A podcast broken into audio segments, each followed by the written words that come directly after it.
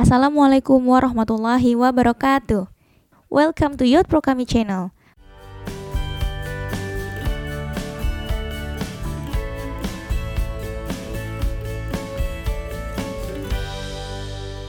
Pendengar Spotify yang berbahagia, pada podcast perdana ini, Pro Kami Muda Jawa Tengah atau Perhimpunan Profesional Kesehatan Muslim Indonesia Muda Jawa Tengah akan menemani kalian nih di sela-sela kegiatan kalian dengan diskusi hangat mengenai Down Syndrome. Down Syndrome yang diperingati setiap tanggal 21 Maret di seluruh dunia. Oke, bersama saya Dinda Karisa, let's start it. Pada kali ini saya ditemani oleh Dr. Susi, spesialis kesehatan jiwa, Ibu Lulu, ibunda dari Hafiza, dan Ibu Siti, ibunda dari Caca, anak dengan Down Syndrome. Sebelum kita mulai diskusinya, there are many info that we have to know nih guys. Dari setiap 400 sampai 1500 kelahiran, terdapat satu bayi yang lahir dengan trisomi kromosom 21. Nah, jadi itu banyak dari 400 sampai 1500 gitu. Jadi nggak langka gitu kan uh, Down syndrome ini gitu. Trisomi, ya trisomi kromosom nomor 21-nya yang seharusnya hanya dua nih di kita tuh dua, tapi di anak dengan Down syndrome ini menjadi tiga karena dia dahulunya tuh gagal memisahkan diri gitu. Nah, kelebihan sebagian atau seluruh bagian dari kromosom 21 ini nih yang bisa terjadi pada sebagian dan seluruh sel di dalam tubuh anak dengan Down syndrome ini tuh yang mempengaruhi beberapa uh, gejala yang muncul pada diri anak dengan Down syndrome itu gitu. Nah, penyebab Down syndrome itu apa sih? Jadi ada namanya gene dosage hypothesis gitu. Jadi sejauh ini itu teori yang paling diterima apaan tuh gitu. Simpelnya itu semacam ada ketidakseimbangan gen di kromosom 21 yang bertanggung jawab atas beberapa fenotip atau tampilan dari Down syndrome. Penyebab pastinya kenapa semua itu terjadi, wallahu alam gitu ya. Ilmu pengetahuan saat ini baru sampai pada tahap itu, belum sampai detailnya nih kenapa kenapanya. Nah, kalau ada yang bilang penyebab mutlaknya ini karena genetik dari orang tua, hmm, coba kita telah dulu nih ya jadi itu salah satu faktornya aja tapi bukan mutlak gitu. Jadi setiap orang tua yang memiliki anak Down syndrome punya kemungkinan lagi nih untuk melahirkan anak selanjutnya juga Down syndrome. Karena mungkin salah satu atau keduanya, kedua orang tuanya gitu, membawa bakat ketidakseimbangan gen di kromosom 21 ini gitu. Tapi bentar, jangan menyalah-nyalahin orang tua Down syndrome aja gitu ya. Jadi bakat ini tuh cuman dibawa 3% pada ayah dan 12% jika dari ibu. Jadi bisa kita analogikan gitu ya, kayak kita beli lotre gitu, main lotre. Kita beli kupon lotre nih banyak sampai 3 bahkan sampai 12. Tapi kan belum tentu dapat lotrenya. Jadi tapi mungkin kita dapat lotrenya karena kita beli kuponnya. Nah, sama aja nih sama uh, orang tua dengan anak Down syndrome gitu. Punya bakatnya belum tentu anaknya pasti Down syndrome, tapi ada kemungkinan karena ada bakatnya kayak gitu. Nah, gejala atau perbedaan anak Down syndrome dengan anak yang lain itu yang pada umumnya itu apa sih gitu. Jadi ini tampak dari tampilan fisiknya itu juga bisa dibedakan gitu ya. Ini pun tergantung gen mana yang mengalami ketidakseimbangan tadi di kromosom 21 tadi gitu. Nah, tapi yang khas adalah mongoloid face-nya, seperti muka suku Mongolia gitu. Nah, yang kita sering sebut dengan muka seribu wajah gitu, karena mereka tuh kayak pinang di belah seribu banyak banget gitu mirip banget gitu. Uh, kalau gejala lain seperti bisa juga kelainan jantung bawaan retardasi mental bisa gangguan pendengaran bisa juga gejala lain uh, bisa ada bisa tidak gitu dan semua itu bisa ada bisa tidak juga. Jadi tergantung uh, kadarnya pada setiap individu Down syndrome itu uh, gen yang terlibat itu yang mana yang mengalami ketidakseimbangan tadi gitu. Jadi ada hal utama yang harus menjadi perhatian adalah juga matanya juga bisa ada hal yang utamanya itu pendengarannya, ada hal yang utama yang perlu diperhatikan bicaranya, ada jantungnya, ada gabungan dari beberapa atau semuanya itu. Itu berbeda-beda bahkan di, di setiap individu Down syndrome gitu. Nah, apakah Down syndrome ini bisa nih diketahui sejak dari dalam kandungan gitu. Nah, insya Allah bisa. Screening Down syndrome ini bagian penting juga loh dari antenatal care gitu ya, dari ANC rutin. Metodenya banyak nih bisa pengukuran kombinasi faktor dari usia ibu bisa pakai marker bisa atau penanda serum serta USG pada trimester kedua gitu Nah, jadi uh, menurut penelitian nih 40 sampai 50% janin dengan trisomi atau kromosom 21 ini memiliki daerah nukal atau tengkuk gitu ya, ba, uh, belakang leher yang menebal sekitar uh, lebih dari 6 mm pada trimester kedua. Nah, itu bisa kelihatan dari USG. Terus tulang hidung yang tidak terbentuk pada janin di usia 11 sampai 14 minggu itu juga terjadi pada 73% janin Down syndrome dan tapi juga terjadi pada setengah persen janin 0,5 persen janin yang normal gitu. Nah, diagnosis genetik juga dapat dilakukan nih dengan pengecekan cairan ketuban pada kehamilan trimester kedua. Bisa juga dengan metode genetik lain yang menggunakan isolasi DNA janin dari sampel darah ibu gitu. Jadi uh, hampir 4 sampai 10% DNA dari serum ibu itu berasal dari janin gitu. Deteksi trisomi janin dengan cfDNA dari darah ibu juga bisa dilakukan kayak gitu. Nah, apakah Down syndrome ini dapat disembuhkan? Ini ibarat kayak DM gitu uh, penyakit gula sama hipertensi gitu. Dia tuh nggak bisa disembuhkan tapi bisa dikontrol. Nah kalau di Down syndrome ini tidak bisa disembuhkan tapi bisa setidaknya kualitas hidupnya uh, baik gitu ya. Jadi dapat ditingkatkan kualitas hidupnya gitu agar anak dengan Down syndrome ini nanti bisa hidup mandiri seperti orang pada umumnya gitu. Bisa hidup mandiri dan tidak ketergantungan pada orang lain. Karena karena tadi seluruh gejala di atas itu yang merupakan yaitu bagian dari individu orang dengan Down syndrome itu, anak dengan Down syndrome itu. Nah, apa saja nih yang harus dilakukan oleh seorang ibu, calon ibu gitu. Nah, kita uh, lakukan screening kehamilan tadi gitu. Tapi tujuannya bukan ini anaknya Down syndrome gitu terus digugurin ya, bukan seperti itu ya.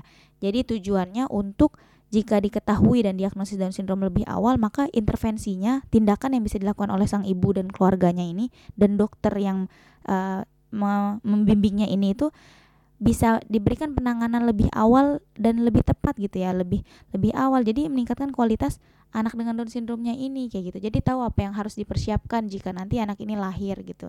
Jadi insya Allah kualitas hidupnya itu pun e, lebih baik gitu ya daripada orang tua yang baru tahu anaknya Down syndrome ketika baru lahir kayak gitu. Jadi persiapannya itu lebih mantap. Oke next singkat itu aja. Selanjutnya kita mulai diskusinya. Dimulai dari uh, pertanyaan untuk dokter Susi spesialis kesehatan jiwa jadi gini dok, uh, mau tahu nih, kami mau tahu dok, faktor-faktor apa yang bisa meningkatkan morbiditas psikologi dok atau hendaya psikologi dari orang tua dengan anak dengan Down syndrome. Monggo dok. Oke, Bismillahirrahmanirrahim. Assalamualaikum warahmatullahi wabarakatuh. Hmm, terima kasih. Di kesempatan ini mungkin dengan pertanyaan yang cukup bagus ya. Ini dalam rangka apa tadi hari memperingati, memperingati hari, hari Down syndrome, sedunia ya subhanallah iya, ya sebelum ke intinya ya saya hanya ingin menyampaikan apresiasi saya kepada ibu-ibu ya ibu Lulu dan ibu Siti ya yang mempunyai anak-anak dengan Down syndrome begitu sabar dan tabahnya sampai mereka mendapat asuhan yang luar biasa tentunya tidak mudah sangat tidak mudah ya dan ini adik-adik kita yang punya kepedulian terhadap Down syndrome uh, juga mengapresiasi dan memfasilitasi untuk kita saling paham. Saya juga uh, kebetulan saja saya dokter jiwa dan eh, anak-anak uh, berkebutuhan khusus seperti ini juga bagian dari ranah uh, tugas dan amanah kepada kami sebagai dokter jiwa ya dan pasiennya juga banyak yang seperti ini dan saat uh, saya menemukan pasien-pasien seperti ini, saya tidak pernah uh, berbicara dengan uh, para anak-anak Down syndrome. Kita tahu bahwa mereka sudah sejak awal mengalami sesuatu di dalam otaknya, terutama yang bagian yang uh, berfungsi untuk mengatur emosi dan perilaku. Dan tentunya mereka uh, menjadikan hendaya, menjadikan anak-anak yang kurang produktif dibandingkan anak-anak yang lain. Yang tidak punya masalah dengan uh, apa otaknya. Dan itu sejak awal sebenarnya kalau anak-anak e, cacat bawaan seperti ini ya ibu-ibu ini sudah siap sebenarnya. Dan Bismillah ya karena niatnya kita itu bahwa mereka itu adalah amanah. Apa faktornya yang membuat mereka adalah sebenarnya faktor yang paling membuat kita itu hendaya mengapa sih aku lelah ya kesadaran persepsi tentang Down syndrome harapan yang belum mix dengan realita atau kenyataan. Kalau orang tua udah paham, insya Allah tidak. Ya, ketika kita memahami bahwa uh, ini sakit benar-benar dibawa dan kita tidak punya kehendak untuk untuk mendapatkan anak-anak seperti ini. Dan ini benar-benar uh, lillah ya takdir.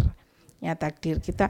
Entah uh, ketika kita mencari sebab juga uh, tidak tidak ini ya uh, tidak bijak ya. Kita hadapi aja dengan bahwa ini adalah takdir bahwa ini karunia dan dibalik anak-anak inilah kita akan mendapatkan banyak sekali kebaikan. Mulai positif sejak awal. Oh saya dapat anak seperti ini. Berarti ini amanah dan Tuhan itu pasti tahu persis bahwa aku mampu. Mulai dari situ sebuah keyakinan. Mengapa menjadi sulit? Karena kultur kita mengatakan anak ini menyulitkan. Sehingga kita langsung persepsinya, waduh berarti aku akan sulit. Saya akan berilustrasi. ya.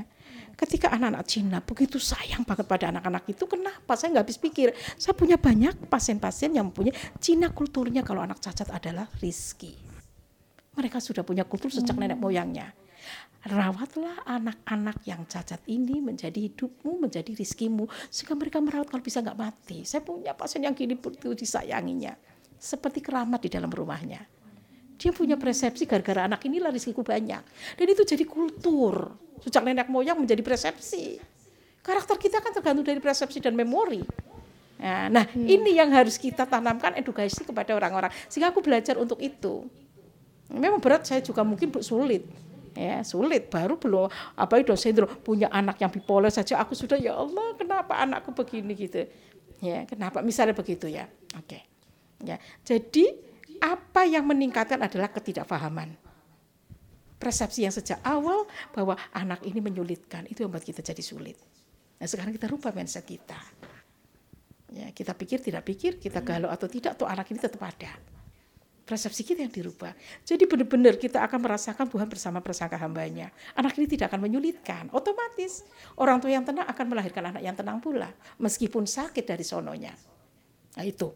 Ya. Jadi faktor-faktor apa? Ya pemahaman itu. Kita kurang ilmu, kurang edukasi, ya, kurang sosialisasi, ya.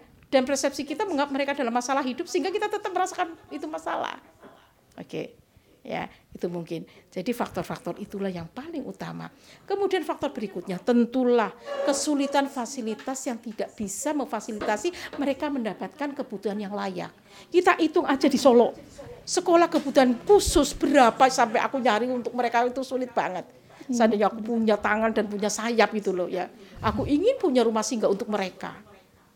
Seandainya punya sayap, punya tangan, punya banyak hal, saya ingin sekali punya rumah singgah untuk mereka ya kapasitas untuk masuk ke wilayah sekolah autis berkebutuhan khusus saja antrinya bertahun-tahun. Antri dulu. Ini kan masuk golongan dengan anak berkebutuhan khusus sehingga hmm. membutuhkan guru pendamping ya kan orang tua yang sabarnya ekstra ya kan? Ya dan itu tadi fasilitas. Ya yang tentu ini juga kaitannya dengan masalah ekonomi sosial. Ekonomi jelas. Anak kebutuhan khusus akan mendapatkan juga finansial yang khusus yang lebih dibandingkan orang lain. Anak yang lain. Pasti. Ya. Harusnya itu ya oh, tugas negara, harusnya itu ya. Uh, kemudian uh, sosial ya pasti karena kultur tidak mendukung sehingga kita menjadi terstigma. Mereka menganggap ya Allah, mereka polanya luar biasa dianggap ganggu, bocah nakal lah inilah itulah. Akhirnya terstigma, dia semakin mundur, semakin mundur. Kalau tidak disupport orang tua, apalagi orang tuanya kemudian ikut minder.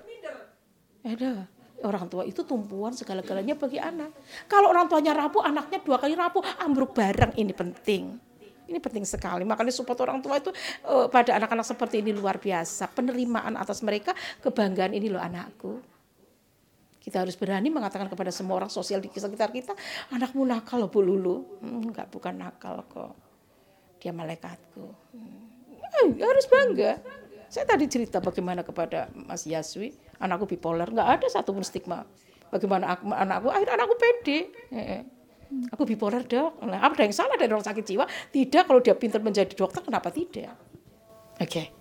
ya. Jadi itu tadi kita harus bangga itu. Itu faktor-faktor kepercayaan diri kita karena dia butuh penghargaan dia pada dasarnya kodrat dan fitrahnya persis seperti kita sama hatinya seperti kita hanya mental organnya yang rusak apa yang salah jadi intinya kalau okay. tadi orang tua tuh harus menerima gitu ya dok. Mm-hmm. Berarti salah nggak sih dok kalau ada rasa malu dan kecewa di dalam diri orang tua dengan anak Itu kodrat manusiawi karena tidak paham. Ya, cara mengatasinya dok berarti harus sadar itu tadi dok. Ilmu, ilmu. pemahaman. Nah kita yang punya peran memang harus saya nggak punya tangan dan nggak punya sayap yang banyak.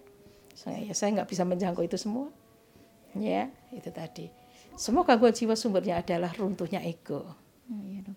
Ya kan ego strength yang runtuh, tidak punya harga diri sehingga dia akan terpuruk sehingga mengapa aku menjadi orang baik? Wong aku aja dibikin seperti ini itu hmm. jadi semua intinya semua healing of understanding. Orang-anak ini juga perlu pengertian perlu perlu uh, healing pengobatan dengan difahami. Apa sih sebenarnya? Kalau dia sendiri tidak bisa diterima bagaimana mungkin dia akan menerima dirinya? Iya benar dok. Ya akhirnya dia terpuruk minder. Ya mengapa anak begini? Nggak ada anak salah. Yang salah orang tuanya Apa pun bentuknya, seorang tua nggak ada salah. Yang salah ya Tuhan kalau mau menyalahkan Tuhan. Semua takdir kok. Oke dok. Okay, Terkait ya, dengan ini dok, kan aktivitas ibu-ibu dengan anak dengan Down syndrome ini itu padat ya dok. Dan hmm. waktu yang beliau-beliau miliki itu juga sedikit. Bagaimana cara mengimbanginya dok? Itu tadi. Kalau kita tidak hidup dengan selaras fitrah yang Tuhan berikan, kita akan kewalahan. Sekarang peran ibu apa? Kenapa kita dikasih anak begini sih? Kudu kan begitu tuh. Ya, kita sibuk apa? Mencari duit ya kan? Kenapa seorang ibu mencari duit? Saya kembalikan ke situ, ih dokter Susi kejam banget masuk kita orang nyari duit. Nah itu tugas utama untuk mereka. Nah kalau orang-orang Cina, apa mereka itu sempat cari duit meninggalkan anak-anak ini? Tidak. Mereka keramat rezeki ada pada dia, tahu ini sepenuhnya, rezekinya mengalir banyak, berkahnya banyak. Aku nggak habis pikir, bahkan orang tua jompo, Masya Allah. Aku ngobati seorang tua nih, orang tua Cina, depan situ. Alzheimer hampir tiga lima tahun itu jadi obatku. Sekarang nggak hidup nggak mati masih hidup tapi sama anaknya itu ya Allah diobati terus. Pokoknya mama nggak boleh mati. Jadikan keramat di rumahnya sehingga mereka akhirnya biru walidain banget otomatis kan? Meskipun tujuannya dunia. Mereka juga ngopeni kata keramat risiko akeh. Tapi nyatanya memang ya mereka jadi kaya karena mengopeni anak yang cacat. Mereka jadi kaya karena ngopeni orang tua yang jompo. Sehingga semua orang dimuliakan di sana yang kasih rezeki siapa Tuhan. Mungkin mereka non muslim tapi fitro. Itu loh. Sementara kita mengaku Islam tidak fitro. Iya. Ya kan ninggalkan mereka yang tidak wajib. Mencari duit seolah-olah wajib. Padahal sunnah aja tidak.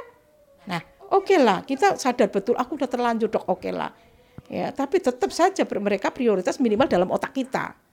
Karena ini adalah kontak batin intuisi, firasat anak merasakan ketika anak menjadi segalanya di mata kita meskipun kita sebut dan tidak bersama mereka.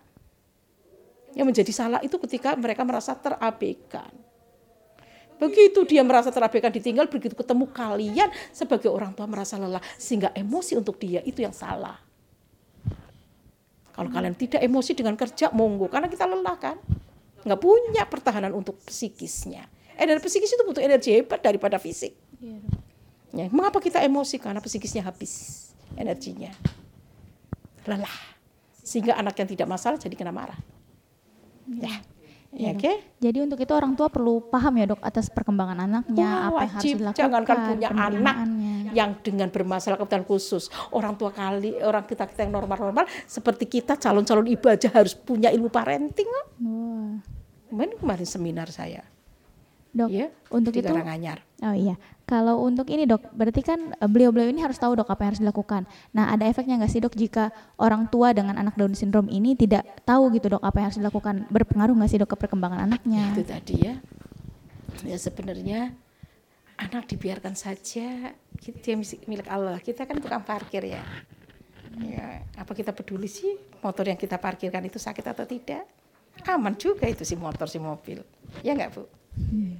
Ya yang melukai mereka adalah kemarahan kita, kekesalan kita, kejengkelan kita. Kalau kita bisa diam, jauh lebih baik. Ya, jadi kalau nggak paham, pilih pilih diem. Tapi kita itu capek sehingga nggak bisa diam. Seolah-olah marah itu menjadi obat, solusi. Kita plong, padahal itu ada korban dari balik. Ya. Jadi ah, pemahaman itu memang ada. Kalau nggak ada paham, kalau nggak paham sebaiknya ya diem. Ya, ayo kesel bareng atau bareng ya ini lebih sensitif. Sebenarnya mereka anak-anak ini sensitif ya. Meskipun kelihatan cacat dan pasrah dan penurut tapi mereka itu sensitif. Ya jadi alangkah lebih baiknya ya ya memang kita menjaganya. Ya kalau menyekolahkan di tempat yang uh, uh, bagus ya sudah kita serahkan. Kalau pulang milik kita. Kalau itu ya dibikin enak saja deh. Dibikin enak. Siap. jangan beban. Kalau kita nggak melakukan terbaik kita tetap kerja. Sih penting kita terima dia saja udah cukup kok bagi dia ya yeah. Dok, yeah. untuk orang tua nih dok, tadi kan kata dokter mungkin aja marah, mungkin aja kecewa gitu ya dok. Yeah. Pada kondisi apa sih dok orang tua itu bisa konsultasi dengan psikiatris atau yeah. tidak perlu atau gimana dok?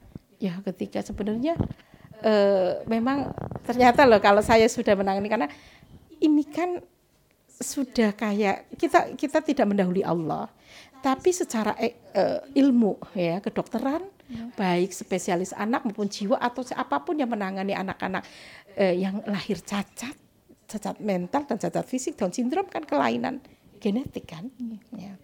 Apalah artinya kita usaha? Ya, artinya mau tidak mau sesuatu yang tidak bisa dirubah maka otak kita yang dirubah. Apa namanya? Kompromi. Medical penistry yaitu bersahabat dengan penderitaan karena sahabat tidak menyakiti sahabatnya aku menjadikan dia dan sindrom sahabat ya yaitu dengan berpikir positif dia adalah rizkiku dia surgaku itu kan jadi sahabat dan sahabat tidak menyakiti sahabat asal kita otak dan hati kita menerima dengan ikhlas dia tidak akan bikin kita masalah percayalah sahabat tidak akan menyakiti sahabatnya. Medical ministry itu dalam logoterapi. Apa makna hidup ada di balik pemberian Tuhan kepadaku dalam bentuk anak seperti ini?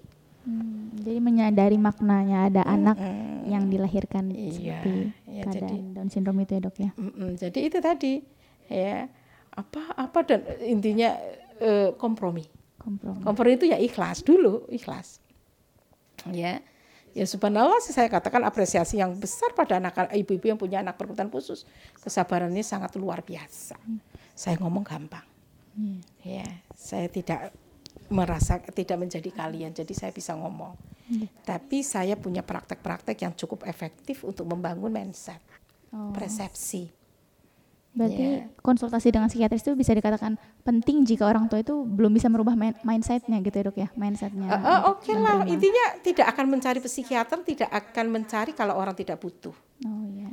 kalau belum ada masalah saya yakin mereka tidak akan mencari psikiater Hmm. Dan toh kalau sudah ikhlas sejak awal dan anak ini adalah bagian dari hidupku ya nggak ada masalah sebenarnya kan. Iya betul. Kapan cari psikiater nggak ada yang aku aku nggak ngeluh kok dengan anak ini. Iya.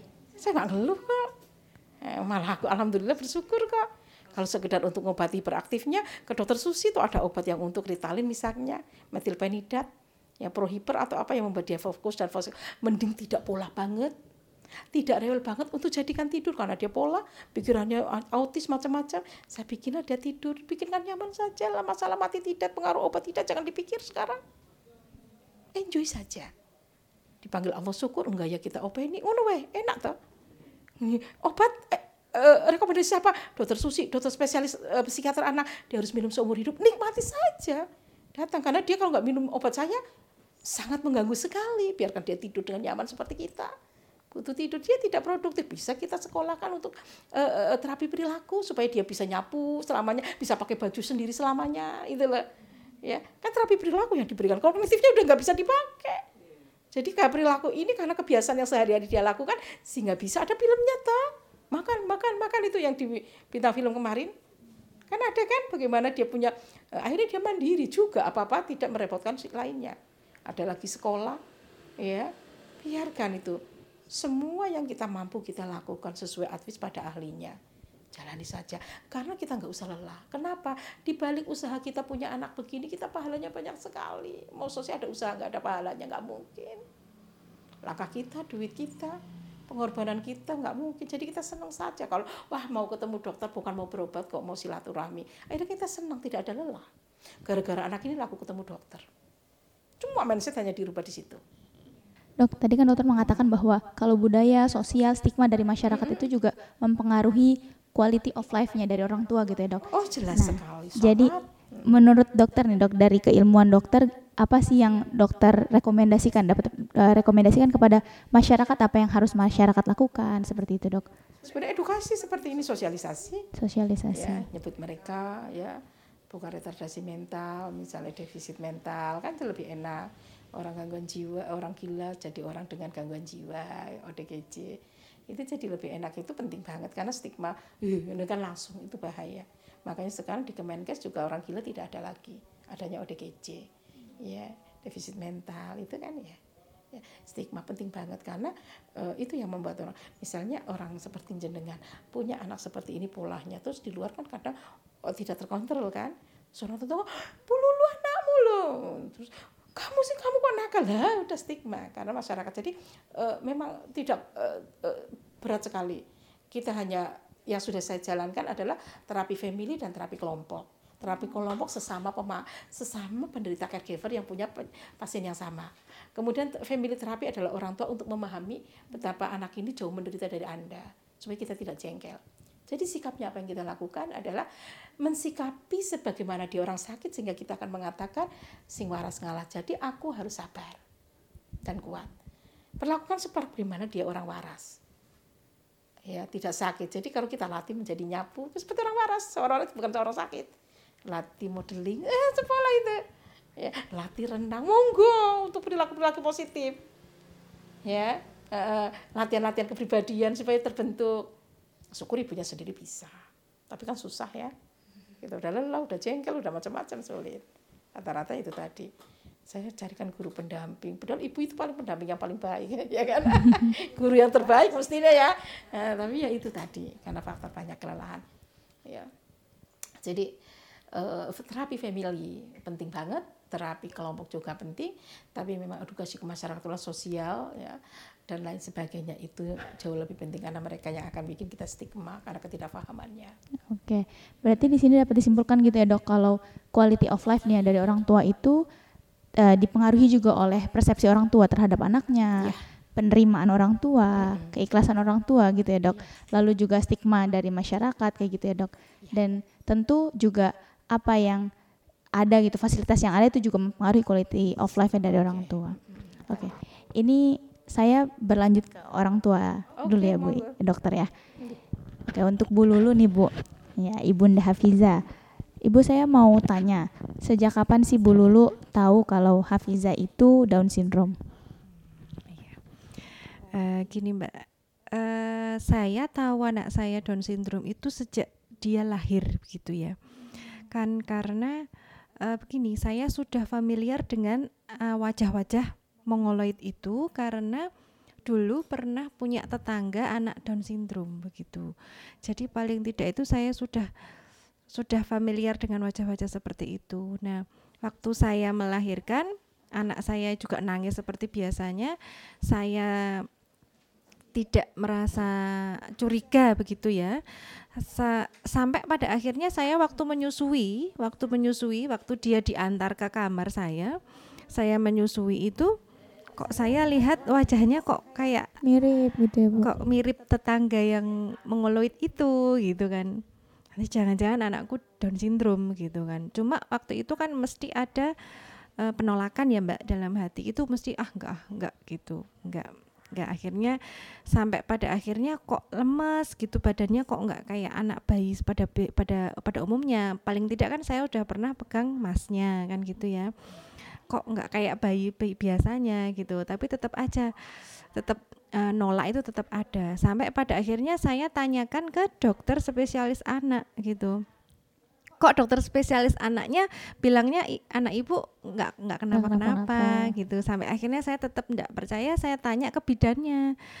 Uh, bidannya juga bilang bahwa anak saya nggak kenapa kenapa gitu. Sampai pada akhirnya kan saya tetap merasa bahwa anak saya ini ada apa-apa begitu. Lalu ibu lakukan apa? Sampai akhirnya itu saya tunggu sampai satu bulan wajah mongoloidnya semakin kelihatan jelas begitu ya. Sampai pada akhirnya sebetul sebetulnya saya sudah nerima sih nggak apa-apa. Anak saya kayaknya memang Down syndrome gitu. Cuma kan akhirnya e, permasalahan itu timbul dari suami kan gitu kan suami kan tetap kepingin tahu anaknya DS betul apa enggak gitu meskipun sebetulnya beliau mungkin juga sudah nerima aja sudah tahu oh, gitu ya tahu. sudah tahu cuma kepengen aja memastikan begitu sampai akhirnya saya konsul ke dokter Oh ya.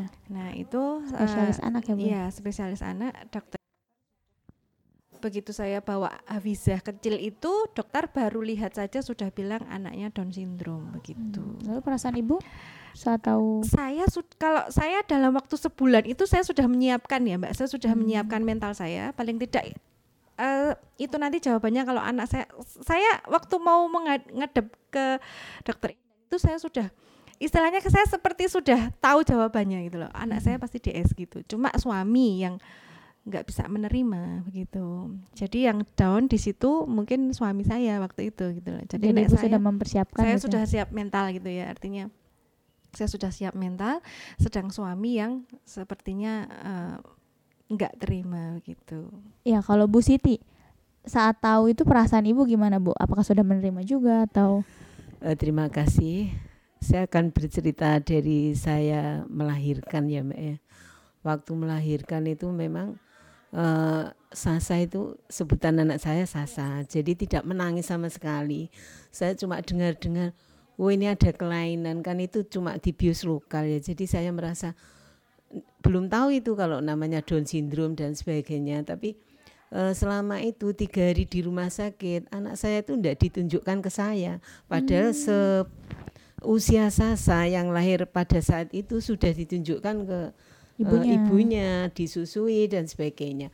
Akhirnya pas hari ketiga Sasa baru disuruh uh, menyusui ajari. Tapi kok itu memang ndak anu ndak bisa membuka matanya. Jadi terus dia itu uh, di jiwet dan sebagainya itu dia ndak anu ndak apa ndak gerak sama sekali ndak respon. Akhirnya saya dengar-dengar ya Pak dokter anak itu eh dokter kandungan itu ngomong kalau anak ibu ada kelainan namanya Down syndrome. Tapi dokter anaknya belum sama sekali.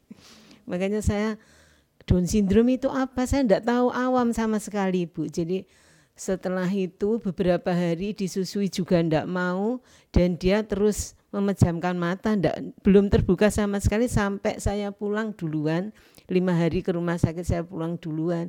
Itu eh, dokter anak baru ngendiko kalau ini nanti ibu perlu cek darah dulu cek kromosom namanya begitu tapi saya ndak tahu pak itu sudah mengatakan kalau anak ibu itu ada kelainan karena tidak menangis sama sekali begitu. Akhirnya katanya Down syndrome, saya awam sekali itu apa tidak tahu dan suami saya juga awam tidak tahu. Akhirnya eh, saya pulang duluan, anak saya sampai dua minggu di rumah sakit. Saya tanya Pak ini diamati dulu dan sebagainya. Pas saya kontrol ke dokter kandungan itu ngendiko kalau anak ibu ini sebenarnya Down syndrome jelas itu katanya begini-begini dan sebagainya. Saya ya perasaannya campur aduk ya mbak. Yang jelas saya merasa ini Down syndrome apa juga ndak tahu. Baru tahu ya dikasih pak ini nanti uh, untuk perkembangannya terlambat dan sebagainya dan suami saya bisa menerima tapi saya ndak. Terus terang saya merasa wah ya Allah. Iya sok. Ya betul sok. saya sampai gini masa saya dikasih Allah? Anak semacam ini kadang saya saya juga merasa apa ya merasa dulunya itu wah uh, merasa apa ya, berat sekali untuk menerima ibu. Uh, ternyata suami saya ya ini kita harus uh, ikhlas dan sebagainya. Suami saya masih bisa tapi saya belum karena ya tadi di disampaikan uh, ibu tadi secara kultur masyarakat itu ada yang melihat anak semacam ini. Nyuwun sewu itu kalau di kampung kan kampung saya misalkan itu pesugihan dan sebagainya tapi saya memang tidak ke itu. Terus pada akhirnya saya sendiri merasa masih dalam satu bulan itu masih bertanya-tanya ini sebenarnya apa? Down syndrome itu apa? Kalau ibu tadi ngendiko uh, sebenarnya ada secara no ada apa psikiater atau apa itu sebenarnya perlu juga. ya. Tapi iya. itu saya awam sama sekali. Down syndrome itu ternyata malah yang menjelaskan itu semacam ini. Kromosom berpasangan 23 ini yang kromosom ke-21 kelebihan satu. yaitu secara awam saja. Akhirnya saya bisa menerima dan Kapan saya Ibu bisa memang menerima? Saya hampir tiga bulan mbak mbak mbak anu mbak Dinda. Lah itu termasuk saya masih apa ya merasa merasa kurang terima. Jadi Kok selama itu tapi tetap diurusin kan bu? Ah iya terus akhirnya suami saya itu memang menerima dengan okay. sudah dari awal itu malah suami saya yang mendukung ya memang harus kita ikhlas menerima anak ini akhirnya ya kita sepakat untuk uh, terapi dan sebagainya dan anak saya memang ini harus utama daripada yang lain ini memang saya dulukan untuk dan akhirnya saya juga lepas pekerjaan yeah. dan saya memang harus saya awasi sendiri karena memang lahirnya kan dia bilirubinnya tinggi, tinggi ya mbak ya. Di rumah masih perlu disinari dan sebagainya. Ya itu yeah. tiga bulan pun itu kalau anak saya alhamdulillah di jantung dicek sudah Baik. bagus tidak ada apa-apa. Anu apa cek darah juga bagus. Tapi memang di pencernaannya dia itu kan apa ya kalau dokter tatar ngendikannya itu karena uh, apa bentuk ususnya atau apa itu jadi hmm. pencernaannya itu kadang sok beol itu kadang sok nyemprot mbak memang kan oh. kan itu kelainan anak Down syndrome ada yang semacam iya. itu yeah. lah akhirnya memang lama kelamaan juga bisa uh, normal dengan sendirinya lah terus enam bulan saya mulai terapi itu tadi uh, untuk kelenturan tubuhnya biar sama dengan yang normal begitu sampai dua tahun saya satu tahun mulai mulai apa namanya mulai terapi itu saya sudah bisa menerima alhamdulillah yeah. dan iya. sebagainya akhirnya ikhlas benar-benar yang jelas itu karena belum ada pemahaman ini sebenarnya Sebelumnya apa ya, begitu ya. akhirnya sampai dua tahun dia terapi jalan dan memang suami sudah mengatakan pokoknya ini memang harus sesuai dengan apa yang dijadwalkan e, terapi dan karena kelainan anak saya semacam itu memang kalau dibanding bisa ya memang itu lain jadi perkembangan atau mungkin intelijensianya berbeda juga iya, ya Bu ya. Antar Kalau di anak Down syndrome juga di, berbeda gitu. Ya, di anak saya mungkin apa 25 sampai 50 intelijensinya begitu kan perlu apa? Dididik hmm. mungkin ya. Nah, hmm. terus ini setelah dua tahun tiga tahun itu saya merasa bangga sekali ternyata anak saya itu ini ini ya karena saya ibunya ya saya lem sendiri. Dia cantik dan juga lincah. Pertamanya iya, begitu ibu. jadi berani ke sana kemari. Terus dia juga apa ya uh, tidak takut dengan siapa pun. Bisa nu biarpun dia memang tidak bisa. Iya tidak bisa. Ngomongnya belum jelas ya itu. tapi bersosialisasi berani ya bu ya? Berani hmm. awalnya. Ya pokoknya sampai tiga tahun sampai TK tapi setelah TK kok sekarang minderan ya mbak saya kadang sok-sok loh ini kok ndak berani diajak tampil begitu hmm. jadi saya sekarang ini merasa masih merasa wah beruntung ini saya bisa memahami benar-benar anak saya itu ternyata banyak sekali membawa perubahan saya dan suami hmm. saya begitu. Iya, alhamdulillah. Jadi, Bu, tadi kan Ibu bilang hmm. berarti keluarga itu penting ya, Bu ya. Yeah. Tadi suami Ibu yang mendukung. Hmm. Kalau tanggapan di lingkungan Ibu kan masih kurang ya. Sampai yeah, sekarang yeah. itu masih kurang atau nah, itu kalau kalau saya di kampung saya, di kampung yeah. saya itu saya kan dari Nganjuk ya, Mbak yeah. ya. Iya. Saya itu kan kadang memikirkan di keluarga bagaimana begitu. Kalau di sini mungkin orang itu Sudah melihat, terbuka. "Oh, ini kadang uh, anak saya dengan mungkin ada yang berkebutuhan khusus lain ya mungkin sipi dan sebagainya orang itu ngomong dengan seenaknya biasanya begitu melihat kalau oh ini dianggap nyun sewu kentir dan sebagainya hmm. tapi di hadapan saya dia itu mungkin apa pekewo ndak pernah berani begitu ya mungkin ah, dia iya. dan saya sendiri kalau di PKK ya cuek saja ndak masalah memang anak saya semacam ini begitu hmm. jadi kalau di sini kok saya melihatnya uh, mungkin karena pekeu atau apa tapi yang jelas saya ndak ndak pernah di iya okay. ndak pernah disinggung mas saya begitu jadi nggak masalah aja bu yang penting nggak masalah pede, ya, ya. akhirnya begitu kita. bangga saya ya kalau untuk bu Lulu lagi nih bu apa sih bu hal tersulit yang pernah ibu alamin dalam merawat Hafiza hal tersulit itu saya mengingat-ingat ya mbak ya soalnya itu iya, seingat saya itu ya, iya, seingat saya memang saya ya itu tadi saya mengalir saja gitu ya. Saya me menikmati saja gitu ya. Mungkin uh, ini yang terberat itu dulu waktu dia kena kasus jantung bocor itu ya. Mm -hmm. Itu kan saya karena awam dengan jantung bocor itu seperti apa itu. Jadi saya bayangan saya itu itu yang hal yang menakutkan sekali gitu ya. Dan saya kan ngerasa anu apa uh, waktu dia jantung bocor itu kan uh, badannya itu nggak bisa besar gitu ya bu. Nggak hmm. bisa nggak bisa gendut. Iya per, biru gitu nggak bu? Kalau biru nggak sampai hmm. mbak. Cuma kan karena saya ngerasa kasihan aja gitu loh. Kok saya nelongso gitu ya lihat anak saya gitu ya. Iya. maksudnya makan jadi ya ba banyak. Tapi kok nggak kayak nggak ngefek begitu. Terus sering sakit waktu itu sering sakit-sakitan. Nah ya itu hanya itu saja mbak. Oh, tapi kalau se selama ini pun gitu kalau saya ya apa namanya saya enjoy aja gitu ya saya mengalir aja gitu kan karena uh, alhamdulillah saya sedikit memahami dengan anak-anak seperti itu ya jadi paling tidak itu uh, itu tadi uh, saya uh, memahaminya gitu ya Mbak. Jadi kalau misalnya dia saya ajak Dek, tolong ya Ibu ambilkan piring begitu. Dia kan kadang-kadang blank, Mbak. Jadi kayak uh, mungkin maksudnya dia tidak tidak paham dengan perintah saya gitu ya. Mungkin kalau uh, saya mau emosi gitu kan mungkin saya dikasih tahu tidak mau dengan gitu ya. Yeah. Tapi saya saya berusaha untuk ah ya Allah iya ya dek ya iya iya ya udah ya udah kalau adek ndak ndak ndak ndak paham ya udah ini yuk yuk di sama ibu yuk ini yang namanya piring ya oh, jadi iya. saya kan itu ya mbak ya. Artinya manajemen stresnya seperti itu ya iya ya? manajemen emosi manajemen stres seperti itu. Jadi kalau mau marah ya mungkin dengan masnya gitu kita bisa mm, gitu ya. Maksudnya bisa lebih dikeluarkan. Iya tapi kalau sama Aviza itu Oh alah iya sih gitu ya jadinya kayak Dipikir dua uh, kali lagi gitu iya ya. maksudnya lebih memahami lah gitu. Hmm. jadi seperti itu. Kalau Bu Siti iya harus sabar nah kalau Bu Siti kalau saya ini ya untuk saat ini karena anak saya itu sekolah kelas 3 SD ya kalau yeah. di iya. SLB itu jadi uh, untuk sekarang ini di sekolah itu lebih banyak ke hal akademiknya harusnya kan tidak ini lah itu kadang sok diajari di kurikulum itu harus menghafal angka 1 sampai 10. Lah wong 1 2 3 aja dia ndak hafal. lah itu kadang sok wis Dek, kamu kelas berapa?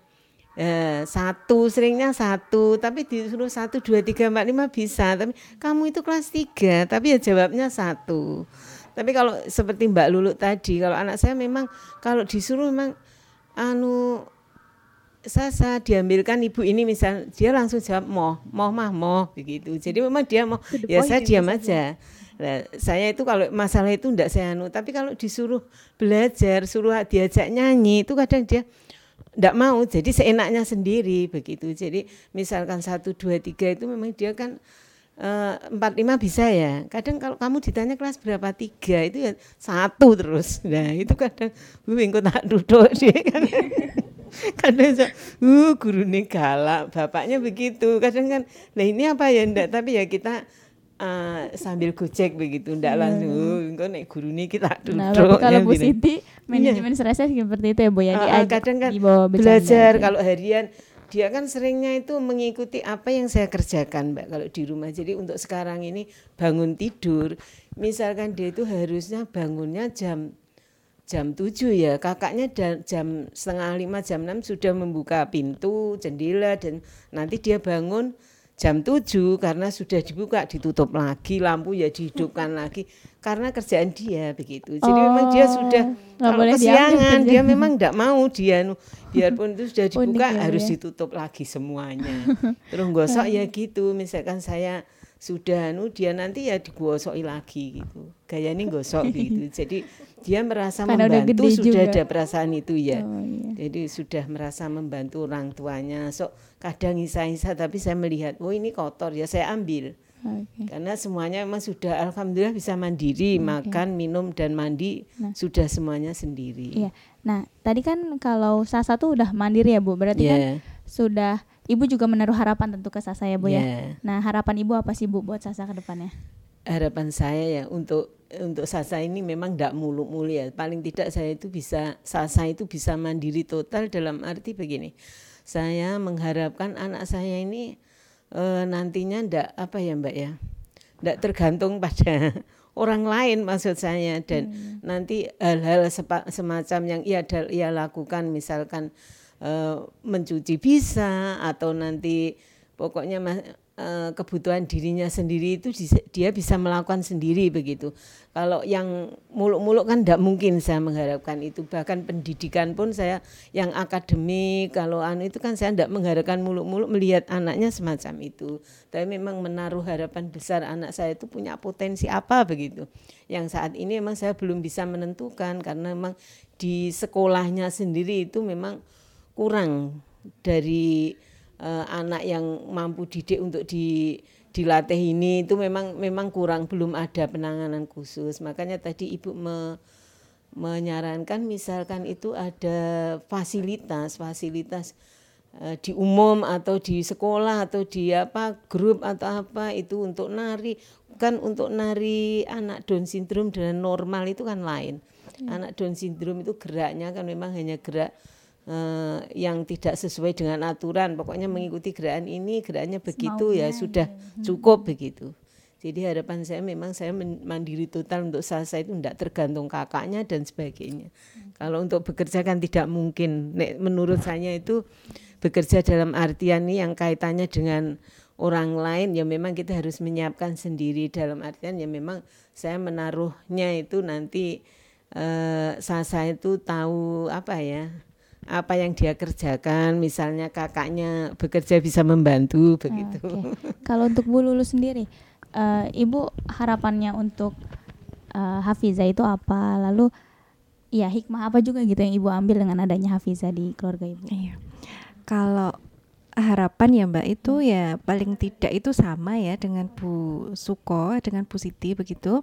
Saya cuma kepingin Hafiza itu nanti mampu mandiri begitu. Jadi dia mampu menyelesaikan urusannya untuk dia sendiri begitu kebutuhannya dia sendiri begitu dia mampu untuk itu begitu sebenarnya simpel saja saya cuma kepingin bahwa dia nantinya tidak me repotkan orang lain. Hmm. Yang pertama itu dan yang kedua saya simpel aja saya cuma kepingin anak saya itu nanti mampu mendoakan saya gitu aja. Hmm. Itu yang nah kalau hikmahnya dapat Hafiza saya merasa memang lebih sabar jadinya. iya, dipaksa sabar karena sudah terpaksa sabar dan kebiasaan sabar jadinya jadi sabar. Begitu, Mbak. Oke. Okay. Kalau untuk Bu Siti sendiri nih, kan Sasa udah 12 tahun ya Bu yeah. ya. Iya. Berarti kan dikit lagi Sasa udah mulai suka sama lawan jenisnya Bu, pasti sudah ya Bu ya. Kalau kalau anak laki-laki di sana itu kan anu apa ya disabilitas tuh dari segi tidak hanya Down syndrome toh Mbak. Jadi ada yang CP dan sebagainya. Jadi banyak sekali. Kadang so ada yang temennya itu ya yang apa tunalaras ya mungkin ya yeah. yang nakal-nakal itu so uh, ya itu kan usil so ada yang mau nyium dan sebagainya gitu memang saya sekarang ini nungguin mbak belum bisa saya melepas karena uh, untuk uh, kalau beol saya kan saya masih sok belum kalau dia sendiri cebok sendiri saya belum bisa meninggalkan okay. dia begitu jadi kadang itu sok ingin temennya itu mencium dan sebagainya saya kan memang harus mengawasi hmm, saya tidak boleh ya? begitu hmm. memang dia tidak belum sepertinya belum ada rasa dengan okay. ini anak laki-laki kalau dia tidak mau mesti ditendang oh, begitu oh, jadi biasa. sering dia itu nendang memang saya tidak boleh kamu Hati -hati karena ada yang Down syndrome yang dini itu mbak itu memang karena orang tuanya itu tidak tidak tahu sama sekali jadi pelukan terus biasa di di situ tuh ndak ada yang nunggu kadang so dia berpelukan terus apa ya berciuman nyium keningnya itu biasa. Itu hmm.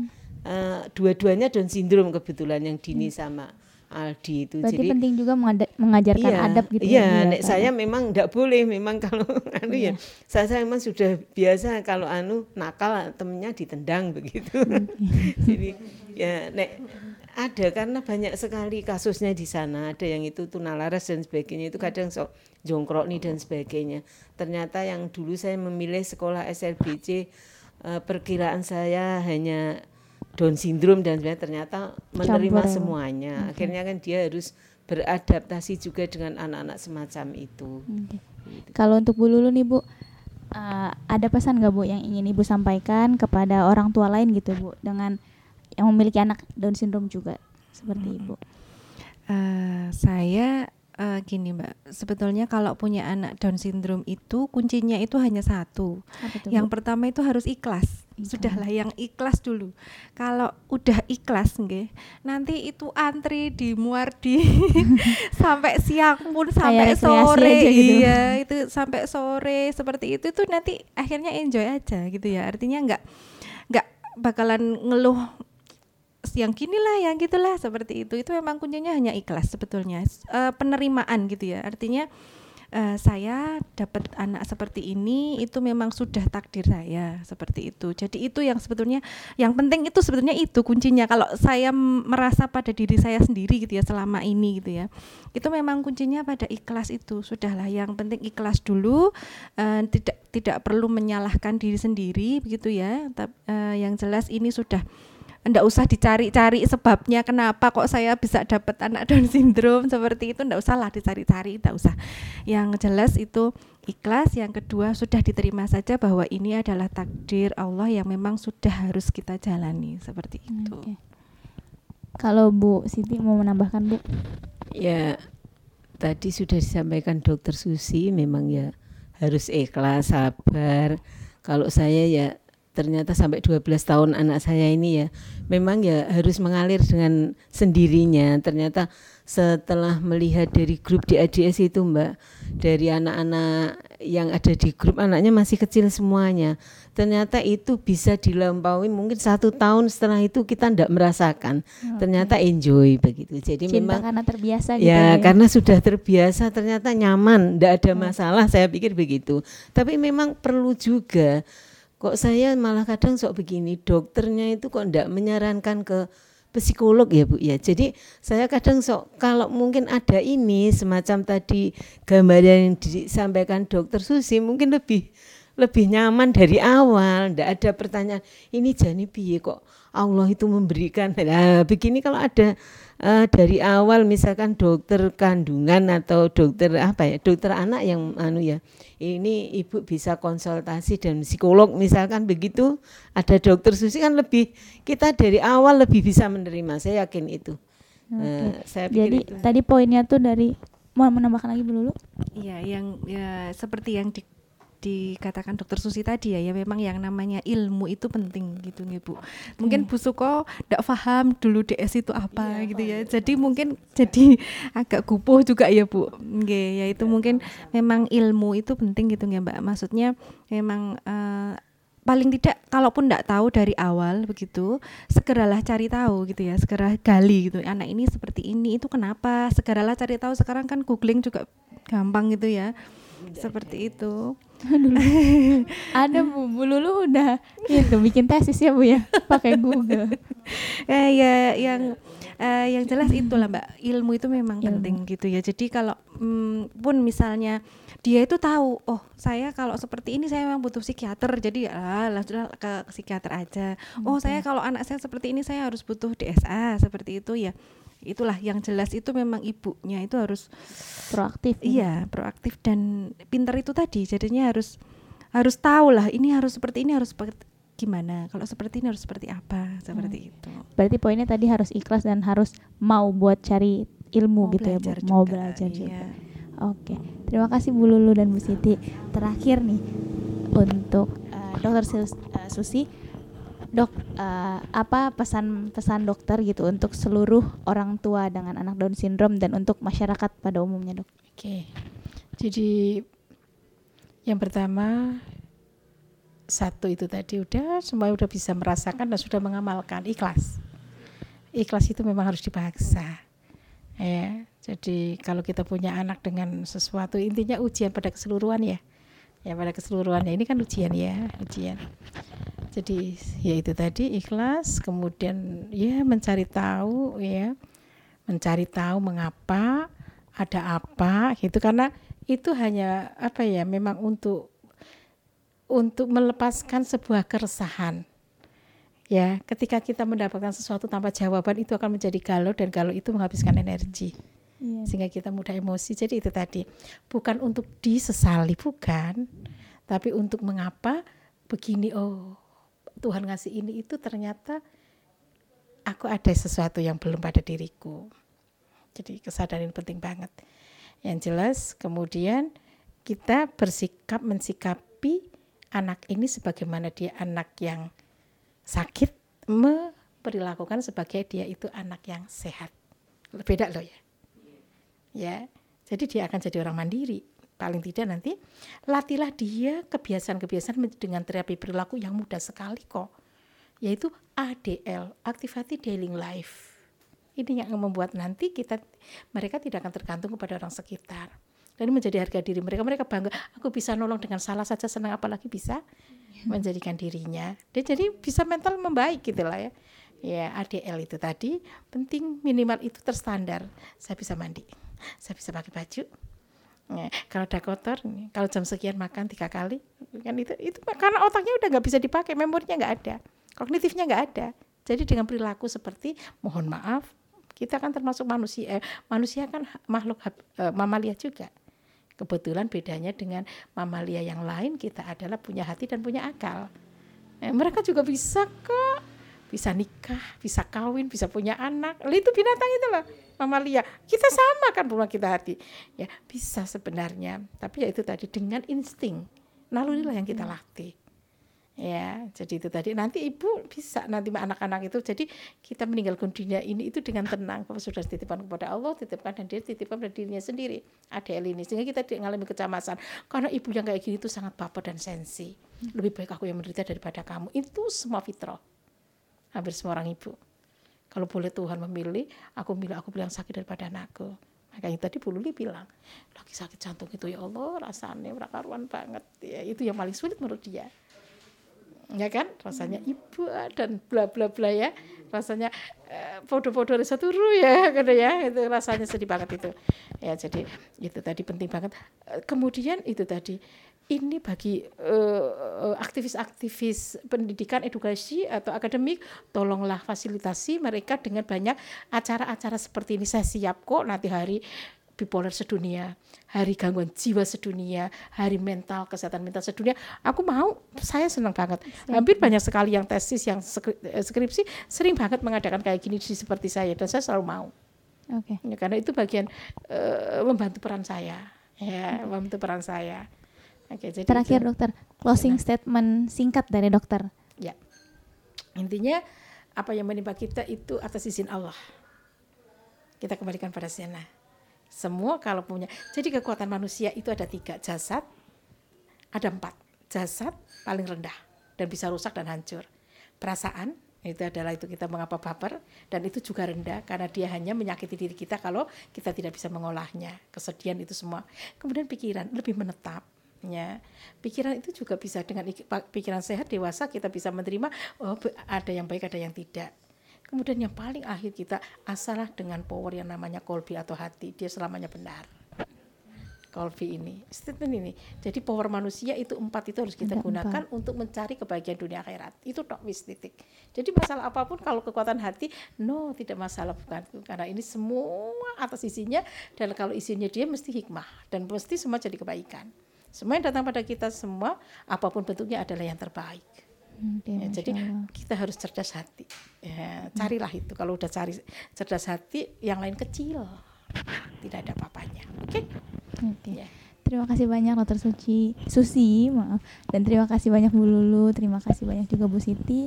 Oke, terima kasih telah mendengarkan. Sampai bertemu lagi di Youth Pro Kami channel yang selanjutnya.